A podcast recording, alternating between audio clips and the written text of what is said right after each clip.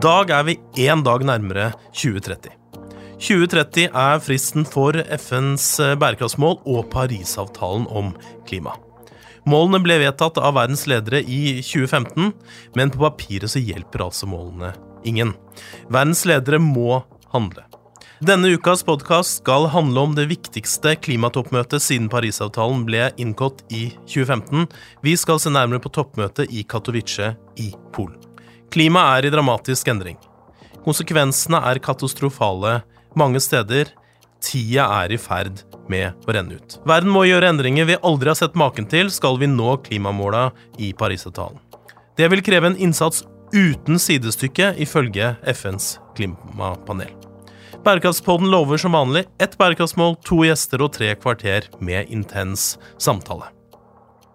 I dag skal vi snakke om bærekraftsmål nummer 13, stopp klimaendringene, og også om Parisavtalen. Vi har Arbeiderpartiets talsperson for klima og energi, Espen Barth Eide, og Mari Tjøme, som har styreverv i Sintef Hafslund ECO og Scatec Solar her med oss i studio i dag. Mitt navn er Kim Gabrielli, og jeg er assisterende generalsekretær i FNs barnefond, UNCEF Norge. UNCEFs oppdrag er å sørge for at hvert barn overlever vokser opp og får sine rettigheter innfridd, og det helst i en bærekraftig framtid.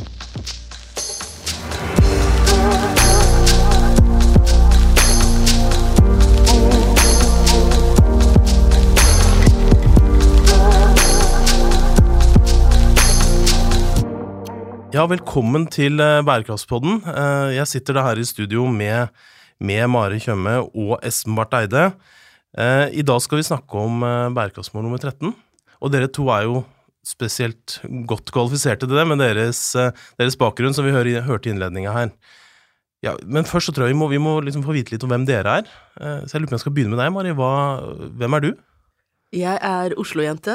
Jeg har jobbet mange år i oljeenergi.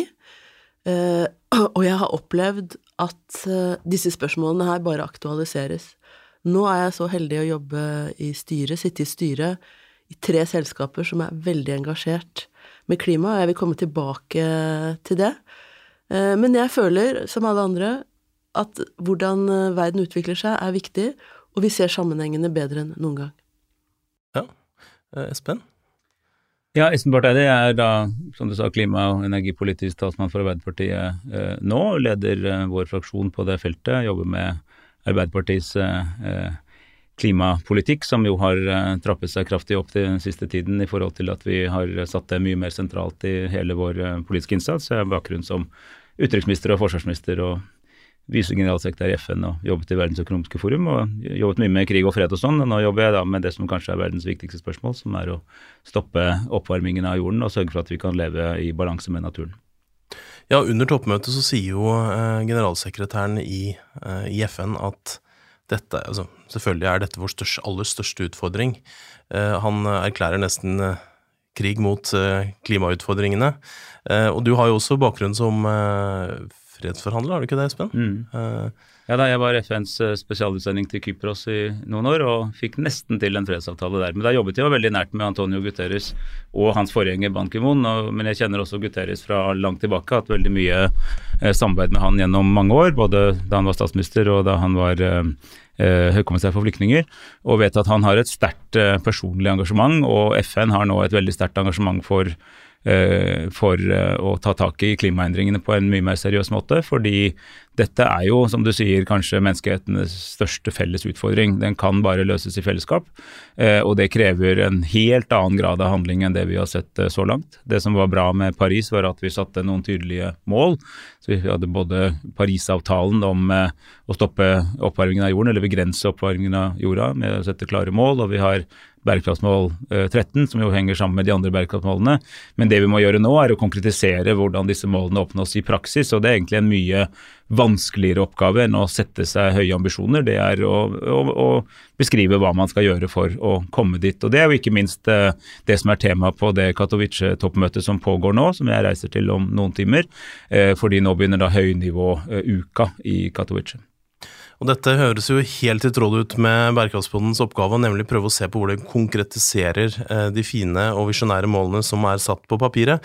Men før vi nå går da virkelig inn i fagmaterien her med våre gjester, så skal jeg gi en liten eh, bakgrunn om bærekraftsmål eh, nummer 13. Forskerne i FNs klimapanel mener at to graders temperaturøkning er grensen for hva naturen kan tåle. Stiger temperaturen mer enn det, vil klimaendringene bli ukontrollerbare. Eh, på klimatoppmøtet i Paris i 2015 ble verdens ledere da, som vi har hørt, enige om en ny avtale.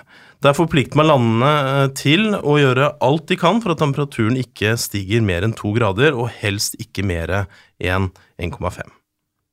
Hvis vi ser på bærekraftsmål eh, nummer 13, så kan vi se at det deles inn i tre. Hvordan skal menneskeheten og landene tilpasse oss klimaendringene som allerede skjer? Hvordan skal vi planlegge for klimaendringene som eh, kommer, og hvilke eh, strategier skal vi ha for å motvirke dem? Eh, og til slutt, hvilke type finansiering eh, kan vi få til? Hvilke eh, klimatiltak, f.eks. i landene som er mest utsatt, kan vi få finansiering til gjennom eh, det grønne klimafondet? Og det er naturlig nok størst fokus på de minst utviklede landene som har størst utfordringer, og de små øystatene. Derfor er det særlig viktig at man ifølge bærekraftsmålet at man ser på, eh, på, de marginaliserte gruppene, men også kvinner og ungdom, som er særlig utsatt pga. endringene vi ser nå. Og Det er jo også grunnen til at dette er interessant for UNCEF selvfølgelig, og viktig for oss. I tillegg til at det er en stor eh, felles utfordring, så er det en spesifikk utfordring for barna. Eh, vi ser i dag at en halv milliard, altså en fjerdedel omtrent, av eh, barna som bor på kloden, bor i land som er særlig utsatt for eh, krise og konflikt, eh, og vi trenger en særlig innsats for at de skal eh, få det som er vår oppgave, nemlig at de skal få overleve, vokse opp og innfridd sine rettigheter. Så med den introduksjonen så, eh, så tror jeg vi setter i gang. Eh, ja, Mari, du rekker opp hånda. Kom igjen, kjør på. Jeg tenkte jeg skulle si at uh, vi føler jo dette veldig på kroppen nå. Og vi tenker ikke bare på 2030, vi tenker på 2050, fordi hvis kloden skal unngå den temperaturstigningen, så må vi komme ned i null utslipp i 2050 det er så ambisiøst at det er nesten vanskelig å forestille seg det. Fordi det da trenger vi å oppnå alle målene mot 230, og så trenger vi også å bli flinkere på å fange utslippene, altså CO2. Og i dag så klarer naturen å fange 15% men vi må altså lage metoder for å fange mye mer. Og da jeg var sammen med Sintef forrige uke, så snakket vi mye om det. Vi brukte masse tid. Og dette dreier seg da om forskning i dag som skal løse framtidens utfordringer. Og det dreier seg om at man satser økonomisk på å gjøre akkurat de tingene, og på å legge om produksjonen. Fordi skal vi nå de målene, så påvirker det oss alle. Hele verden. Det påvirker de som produserer, og de som forbruker.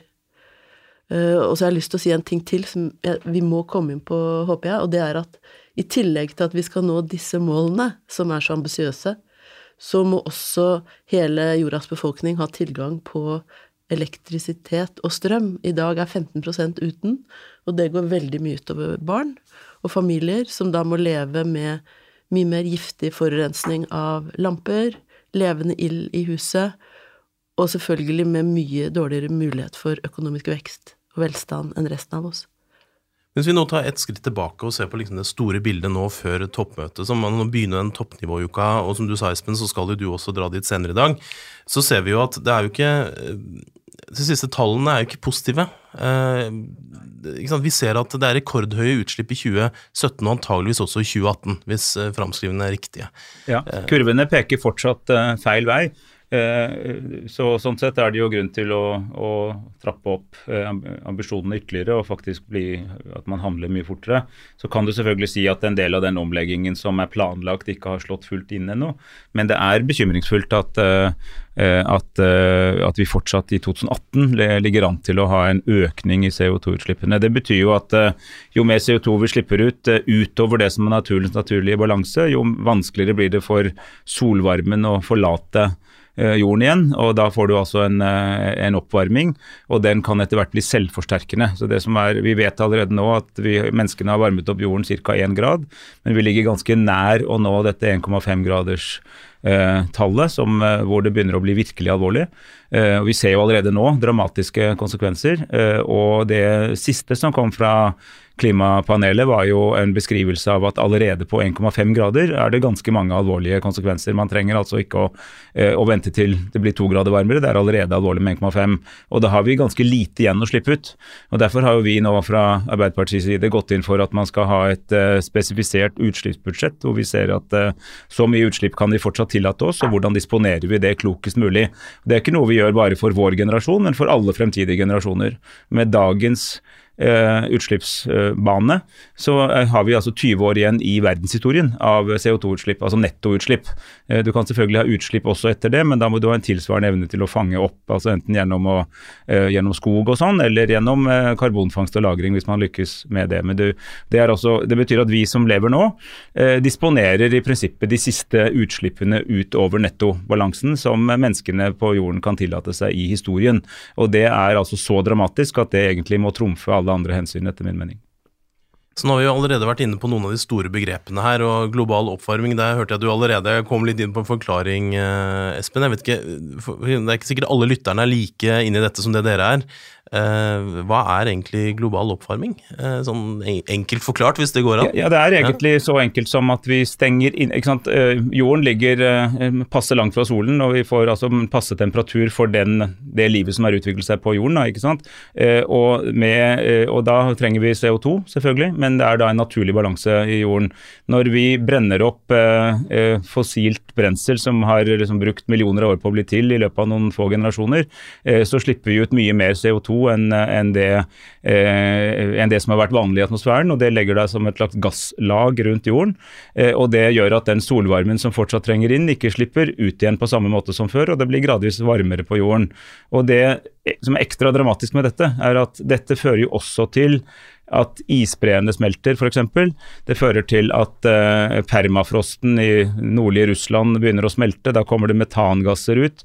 Eh, det, sånn at du etter hvert får en del sånn selvforsterkende effekter hvor du får ytterligere oppvarming pga. den oppvarmingen som allerede hadde skjedd. Så problemet er at selv om vi sluttet med all uh, brenning av fossil brensel nå, så har vi allerede satt i gang prosesser som det kan bli vanskelig å snu, men desto viktigere er at vi tar tak i det nå. Så på den litt pessimistiske siden så vet vi mer enn noensinne om hvor alvorlig dette er. Det som da gjør at man likevel kan gå rundt og være optimist, er at vi vet også veldig mye mer om at dette er mulig å løse.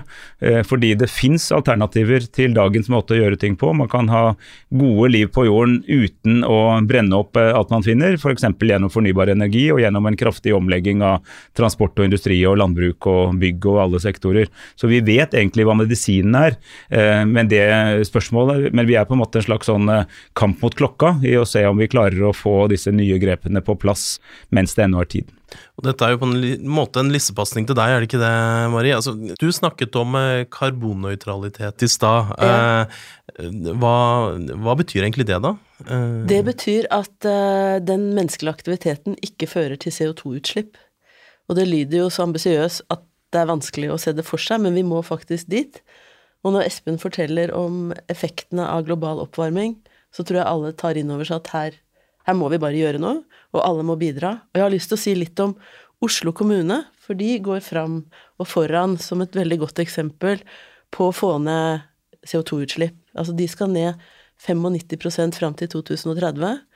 Og alle de tingene som de gjør tidlig, og utvikler hvordan man løser, kan løses på samme måte av andre steder i verden. Så selv om Norge ikke nødvendigvis er den største eh, bidragsyter til utslipp, så er mye av det vi gjør og utvikler her, veldig viktig for verden. Og jeg kan si det jeg er veldig opptatt av, er at man konsentrerer seg om de store problemene først. Det betyr at man erstatter eh, skitten eller eh, energi med ren energi. Eh, byggeplasser, for eksempel, forurenser masse. Det kan man løse. Oslo kommune avvikler oljefyring, det er en veldig stor kilde. Mange sånne ting som gjøres, vil ha store effekter. Og så må vi fortsette å utvikle fornybar energi, og vi må sørge for at energisystemene i Europa også snakker sammen, mm. slik at den norske fornybarenergien kan få maksimal effekt, og at tyskerne og engelskmennene tør å skru av sitt, sine kullfyrte Eh, ovner, slik at det blir en reell forbedring i klimautslippene i hele Europa. Og vi får også økt verdien faktisk av vår egen fornybar. Og det har jeg lyst til å si. Verdi av å gjøre de riktige tingene er så viktig, for her det er næringslivet som er nødt til å gjøre masse investeringer og om, legge om. Og da betyr det at det må være lønnsomt, og det må være forutsigbart, og man må gå i samme retning, alle sammen, for å få til disse endringene.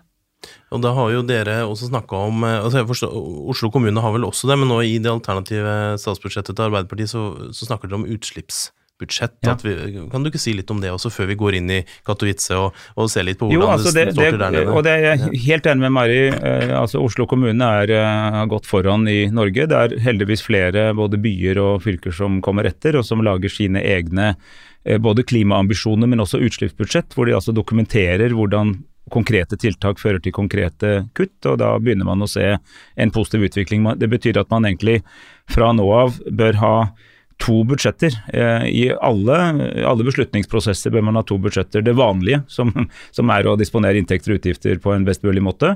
Men så er det også utslippsbudsjettet, hvor man ser på hva de valgene man tar i det tradisjonelle budsjettet, hva slags effekter det har på utslippsbudsjettet. For da kan det være at man gjør litt andre valg. altså En løsning som koster litt mer i kroner og øre på kort sikt, kan da lønne seg utslippsmessig med lavere utslipp, og kanskje også økonomisk på lengre sikt. fordi noe av det som er så vakkert med dette her er at når du først er over på f.eks. For fornybar energi, så er den ofte billigere i, drift. Altså Når du har en vindmøllepark, så koster jo ikke vinden noe.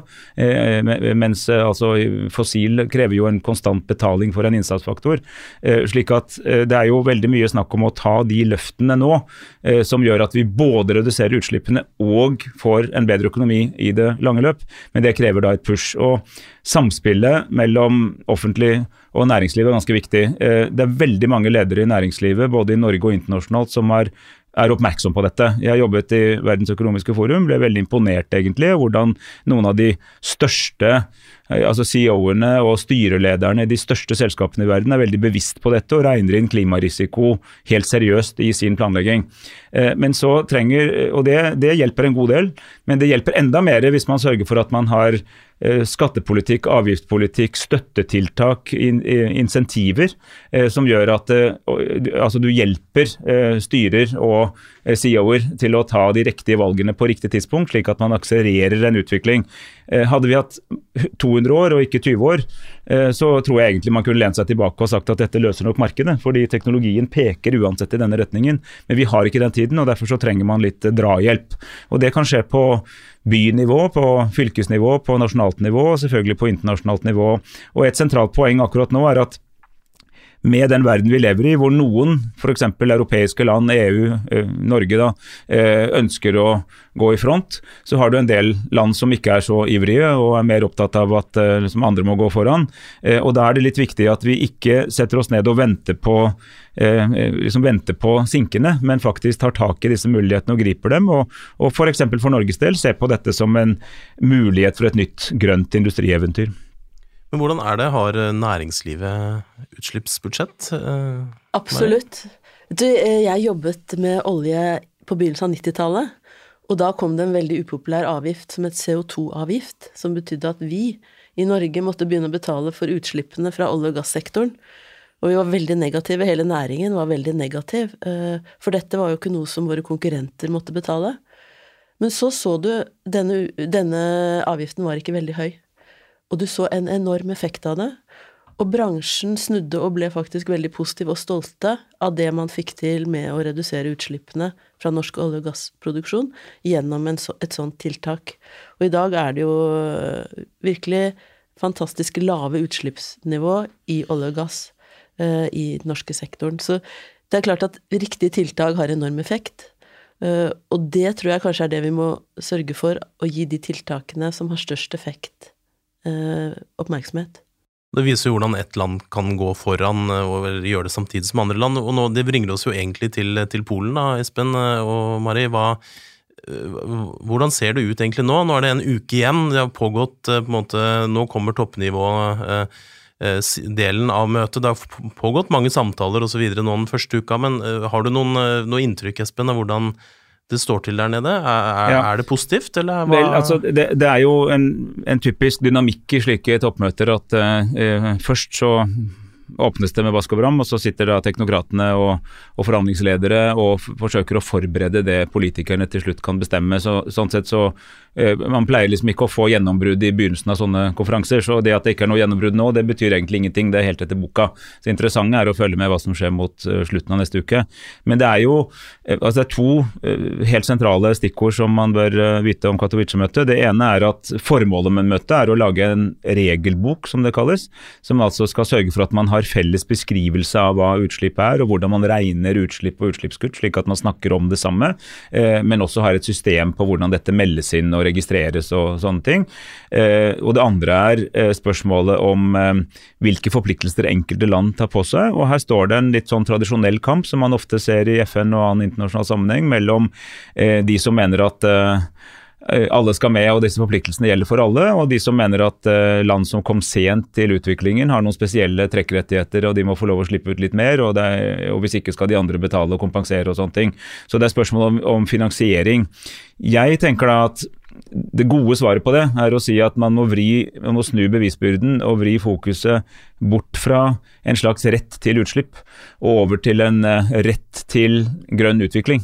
At man heller bør si at uh, de som har gått foran, de som har mer teknologi, mer penger, velstand, har et ansvar for å hjelpe landene som kommer litt bak i den utviklingen, på å kunne gripe de nye mulighetene tidlig. Altså litt sånn, uh, Mange har hørt om hvordan Afrika grep mobiltelefonen og egentlig hoppet over fastnettet og, og utviklet mobiltelefonen til å bli et primært kommunikasjonssystem langt ut i landsbyene. På samme måte kan man jo i en landsby i Afrika som i dag ikke har strøm, kan man jo begynne med solenergi istedenfor å gå omveien om kull f.eks. hvis man får denne teknologioverføringen. Så hvordan man kan løse dette i fellesskap, og hvordan man kan få en slags rettferdig fordeling av eh, byrder og kostnader og, eh, og sånn, blir veldig sentralt. og det er, det er, ikke sikkert at det lykkes. Eh, det er veldig alvorlig om det ikke lykkes.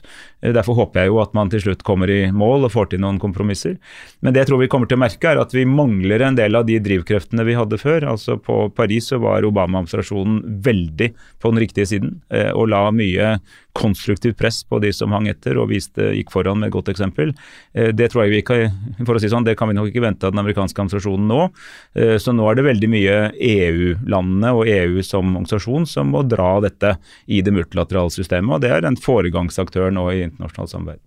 Og her er du jo inne på, altså I tillegg til selvfølgelig det internasjonale klimaet vi opplever nå, som utfordres på dette toppmøtet, men også andre toppmøter som Eh, det som går på migrasjonsplattformen til FN f.eks. Liksom, det er jo én side av det. Og det andre er selvfølgelig utfordringen med at det er innebygde dilemmaer i bærekraftsmålene. Ja. Det kan hende at hvis vi, det blir mindre eh, fossil eh, vekst, så vil det kunne utfordre fattigdomsreduksjon i Afrika. Det kan hende, vi vet ikke det. Men på den annen side, som du sier, så vil jo det kunne bidra til bærekraftsmål nummer syv om, om mer fornybar energi.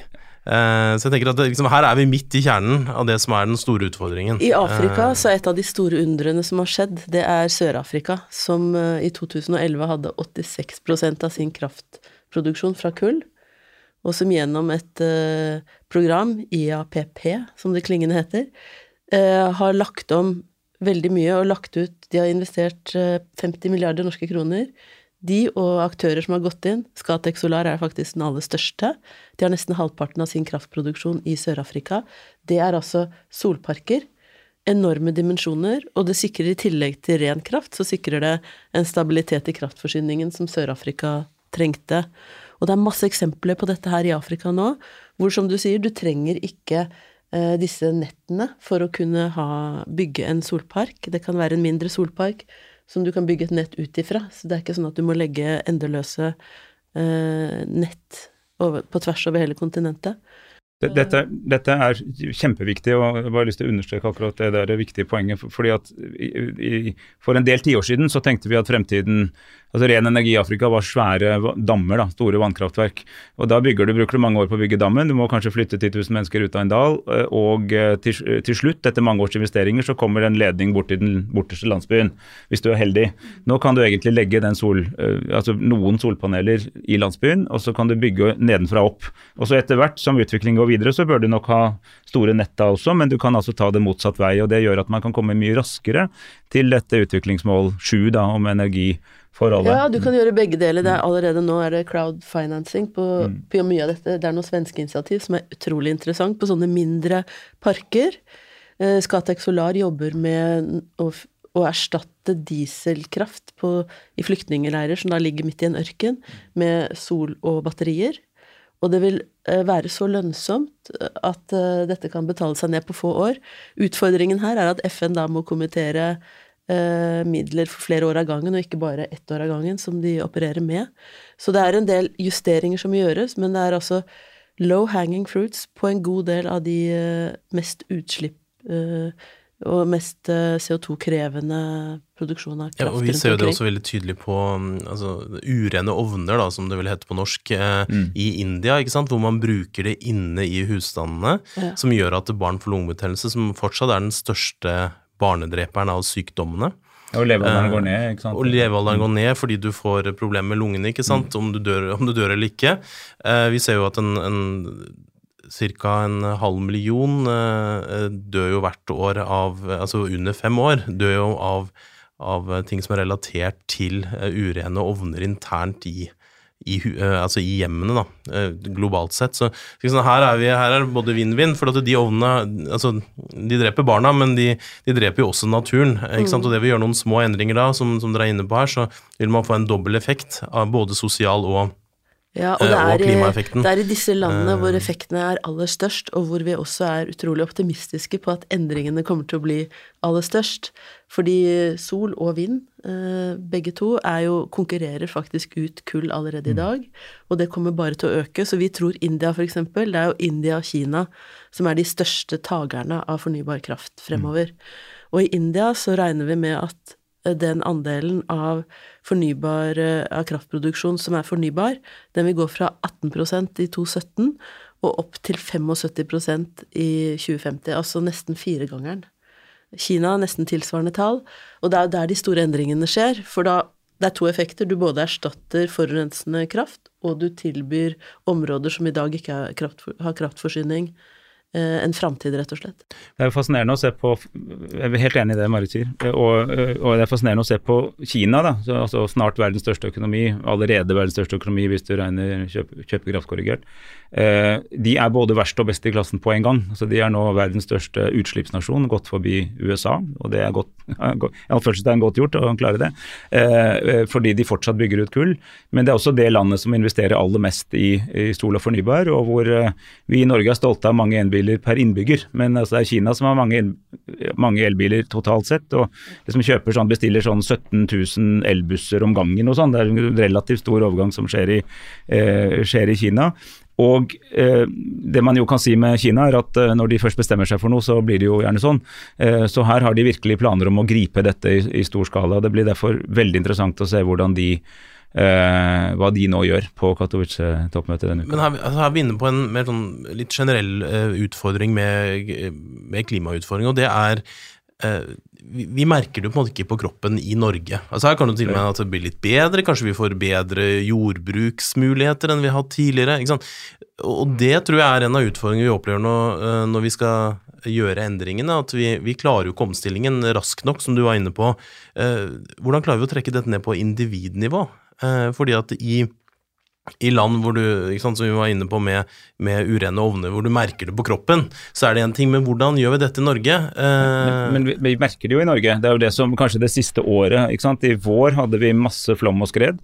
Så hadde vi en fryktelig tørr sommer som gjorde at landbruksproduksjonen i hvert fall på sentrale østlandsområdet gikk ned i halvparten av hva det var. Det er blitt et veldig stort problem for bøndene i Norge. Nå er vi et rikt land som kan kompensere, men, men det er ganske alvorlig. Og nå på sensommeren høsten hadde vi jo en ny bølge med store oversvømmelser eh, i, i tettbygde strøk opp på Nordvestlandet.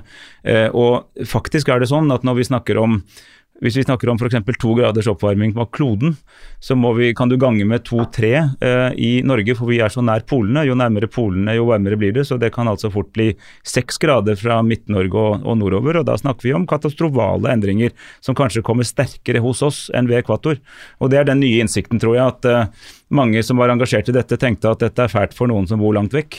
Men jeg tror kanskje etter hvert at altså vi skal ikke utelukke at klimaflyktningene kommer fra nord mot sør en gang i fremtiden. Fordi dette kan ramme oss veldig hardt. Og vi er et land som lever i pakt med naturen per definisjon. Og store endringer i, i værmønstre og sånn i Norge kan ha endringer som vil gjøre at vi allerede i vår levetid vil oppleve en helt annen virkelighet enn vi er vant til. Så, så det premisset om at ikke vi merker det, det tror jeg fort går over. Og bare vent neste år, det tror jeg blir enda verre. Jeg er helt enig, og jeg føler faktisk i styrerommet så er det en entusiasme nå i forhold til hva kan vi gjøre. Hafslund Eko skal være med å elektrifisere Oslo. De har masse løsninger på utfordringer vi trenger å få løsninger på. Eh, Nordic Mining, som skal bygge en ny gruve på Vestlandet, de kan tenke helt nytt og sørge for at det ikke er utslipp eh, eh Iallfall så lite utslipp som mulig når de bygger ut og når de drifter. Yara Birkeland er en ny eh, ferje som, eh, som, kan gå på elektrisitet og kan styre seg selv. Altså, det er så enorm entusiasme. Jeg må si at jeg er veldig positivt overrasket over hvor raskt den endringen mm. har kommet iallfall inn i styrerommet. Vi snakket nemlig ikke så mye om det for to år siden. Nå snakker vi om det. Helt enig. Eh, Avinor eh, har helt seriøse planer om at Norge skal bli Norsk innenriks lufttransport skal være helelektrisk i 2040, altså om 21 år. Ikke at man skal begynne da, man skal være ferdig da, og at de første kortbanerutene kan komme om bare noen få år. Og det er flere, både Airbus og Siemens lager nå fly altså i den størrelsen man er vant til å fly med Widerøe rundt i Nord-Norge, som er elektriske og kommersielt attraktive om kort tid. Mye billigere drift, og helt rene selvfølgelig drift, så lenge strømmen er fra fornybare kilder, som jo er i Norge. Så her kan Norge igjen være et foregangsland som viser eh, eh, i praksis at man kan elektrifisere også det man trodde man ikke kunne elektrifisere. Så jeg ser jo egentlig frem til at vi kan bli men eh, Norge kan egentlig bli for, verdens første fossilfrie samfunn hvis vi setter det som et eh, mål, altså i vår hjemlige bruk. Og I disse dager så legges jo da også, eller blir jo statsbudsjettet også etter hvert da vedtatt. Eh, Eh, og da har det jo på en måte vært en slags jubelstemning, virker det som, i klimaorganisasjonene for deres eh, statsbudsjett, eller alternativt statsbudsjett. Eh, Espen, kan, kan, du si litt om hva er det de jubler for? For at regjeringen mener jo at Nå er jo ikke regjeringen her, så de kan på en måte ikke forsvare seg, men, men de, de, mener jo at de er lagt fram et veldig ambisiøst klimaforslag også. og det, I den store sammenhengen sammenlignet med andre land, så er vel det, er vel det sant? Altså, vi, vi, skal ikke skry... Altså, nå er det jo sånn at Målestokken for hva som er et bra budsjett på klimaområdet må jo justeres for hvert år. Altså, det skulle bare mangle at man ikke gjorde mer i 2018 enn i, enn i 1998. Liksom. Altså, vi vet veldig mye mer, så sånn sett så må man holde enhver regjering til en høy standard, og ethvert opposisjonsparti til en høy standard. Vi mener at man skulle tatt mer i. Det er mye vi er enig i. Det er mange lange linjer i regnskogbevaring og elbilfordeler og elektrifisering av ferger og sånn som vi er veldig om, samstemte om, og som egentlig har vært politikken i mange år. Men vi mener at man må ta et mye sterkere grep. Uh, derfor har vi, uh, har vi foreslått tre milliarder mer til ulike klima- og miljøtiltak, herunder klimatilpasning. Da. Men også kommet med dette forslaget om at vi nå må ha et konkret utslippsbudsjett år til år, hvor man ser hvordan tallene går ned. Og Det som kanskje smerter mange av oss nordmenn som liker å tro at vi er i front, å høre, er at vi ligger jo ikke spesielt godt an når det gjelder våre egne utslippskutt. Vi når ikke de målene vi satte i 2012 for 2020. Eh, vi, vi ligger eh, ganske langt bak, mens EU-kommisjonen kunne nettopp kunngjøre at de overoppfyller sine 2020-krav eh, relativt mye, og har altså fått til mye mer i relative kutt enn det Norge har. Så skal det høre med til Norges historie at vi allerede hadde ren kraft og sånn, men, men, men, vi bør jo også stille oss selv til en høy standard. Så, så det er mye å gjøre her hjemme, og det er mye å gjøre ute. Og jeg vil ikke lenger gå med på at det er et argument at det er bedre å gjøre alt ute. Jeg mener vi skal gjøre ute og hjemme. Både fordi vi har et moralsk medansvar for å ta vår del av vår skjerv, men, men også fordi at det faktisk er lurt. Og det er det som er så positivt med så mange eh, i næringslivet nå som egentlig tenker at det er, altså, som du sier eh, Marie, altså, som har en entusiasme rundt at dette er jo lurt å gjøre. Det er ikke bare for klimas del, men det er fremtidens inntektsmuligheter ligger i at man lykkes i det grønne skiftet. Og Vi har jo allerede nå snakka ganske mye om Vi skal snart komme innom litt om beredskap og litt om uh, finans også til slutt, men, men, jeg har fortsatt lyst til å uh, Altså Det er jo andre land som kanskje har kommet litt lenger, altså som Danmark uh, f.eks. har satt seg noen kraftige mål for hva de ønsker å eksportere. Mm. For ikke så lang tid siden så, så kom jo ABB og, og Zero, altså miljøorganisasjonen Zero, foreslo at man kunne man sette noen store mål om å bygge ut tre gigawatt offshorevind i Norge innen 2030. Mm. Altså Det er jo 10 prosent av dagens produksjon, så det er ganske hårete mål. Men er det på den måten vi må tenke?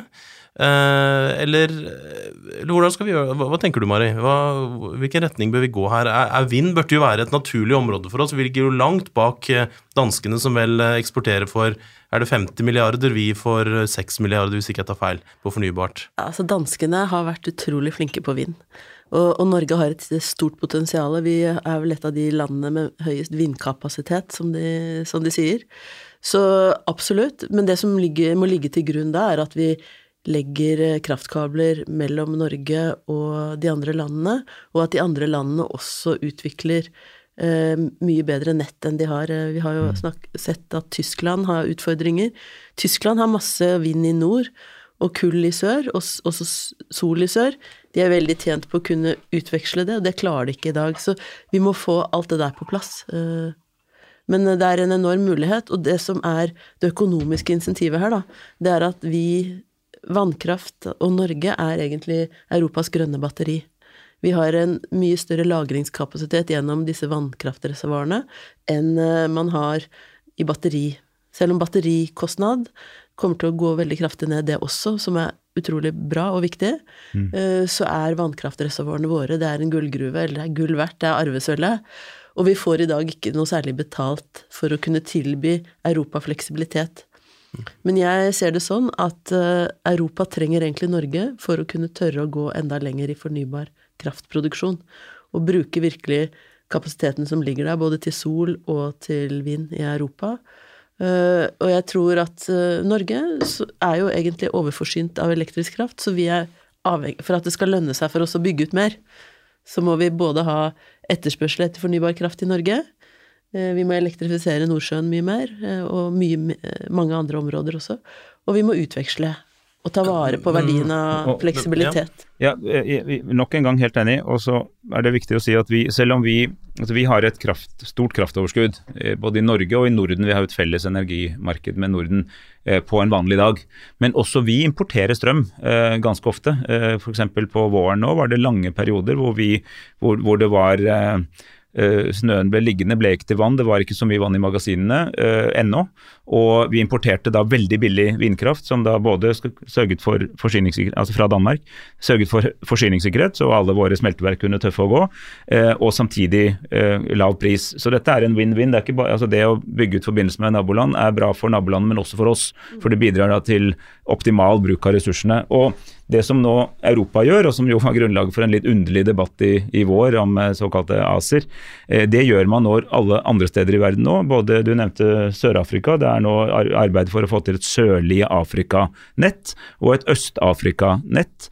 Og jeg vet at også i Asia har de begynt å se på sånn tverrnasjonale nett, nettopp for å løse et helt spesielt problem, som er at vi vet allerede at du kan få nok energi på jorden med bare fornybare, kilder, men, men, det er jo ikke slik at solen alltid skinner, vinden alltid blåser osv., så, videre, så du må sette sammen et system av flere kilder, slik at du sørger for Du vil jo gjerne ha lyset på, eh, eller i hvert fall ha muligheten for å skru på bryteren 24 timer i døgnet, og fabrikken må kunne gå og sånn, så du må sørge for at du har denne balansekraften. og Det kan da f.eks. være vannkraft, som er en veldig god sånn balansekraft. Eh, Storbritannia har gjort en kjempejobb, eh, og de bør få skryt, for nå er det mange som snakker negativt om dem pga. brexit, med god grunn, vil jeg si. Men de har også hatt en fantastisk energiomlegging som gjør at Storbritannia kunne nå kunngjøre at deres CO2-utslipp er nå nede på det nivået det var på slutten av 1800-tallet. Altså Dette er den industrielle revolusjons hjemland, som altså har fått et massiv kutt i utslippene fordi de har ført krig mot kull gjennom nettopp høye priser på kull og en kraftig utbygging av vind. Og eh, på, i hvert fall for mellomlang sikt også import av gass fra Norge, som har vært relativt mye bedre. Men det er jo en forbigående fenomen, for etter hvert så vil også Storbritannia gå mot helt, eh, helt fornybare kilder.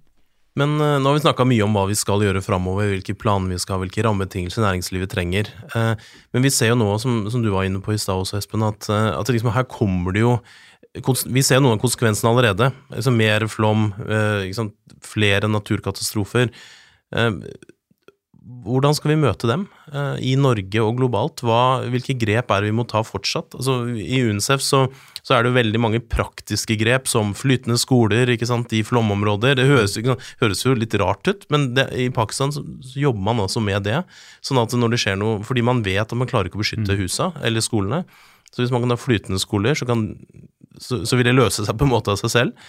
Um, men hvordan er det i Norge? Hva, hvilke grep er det vi trenger? Altså, vi så jo nå sist gang at det er store konsekvenser, selv om vi er et utvikla og uh, er ganske gode på beredskap.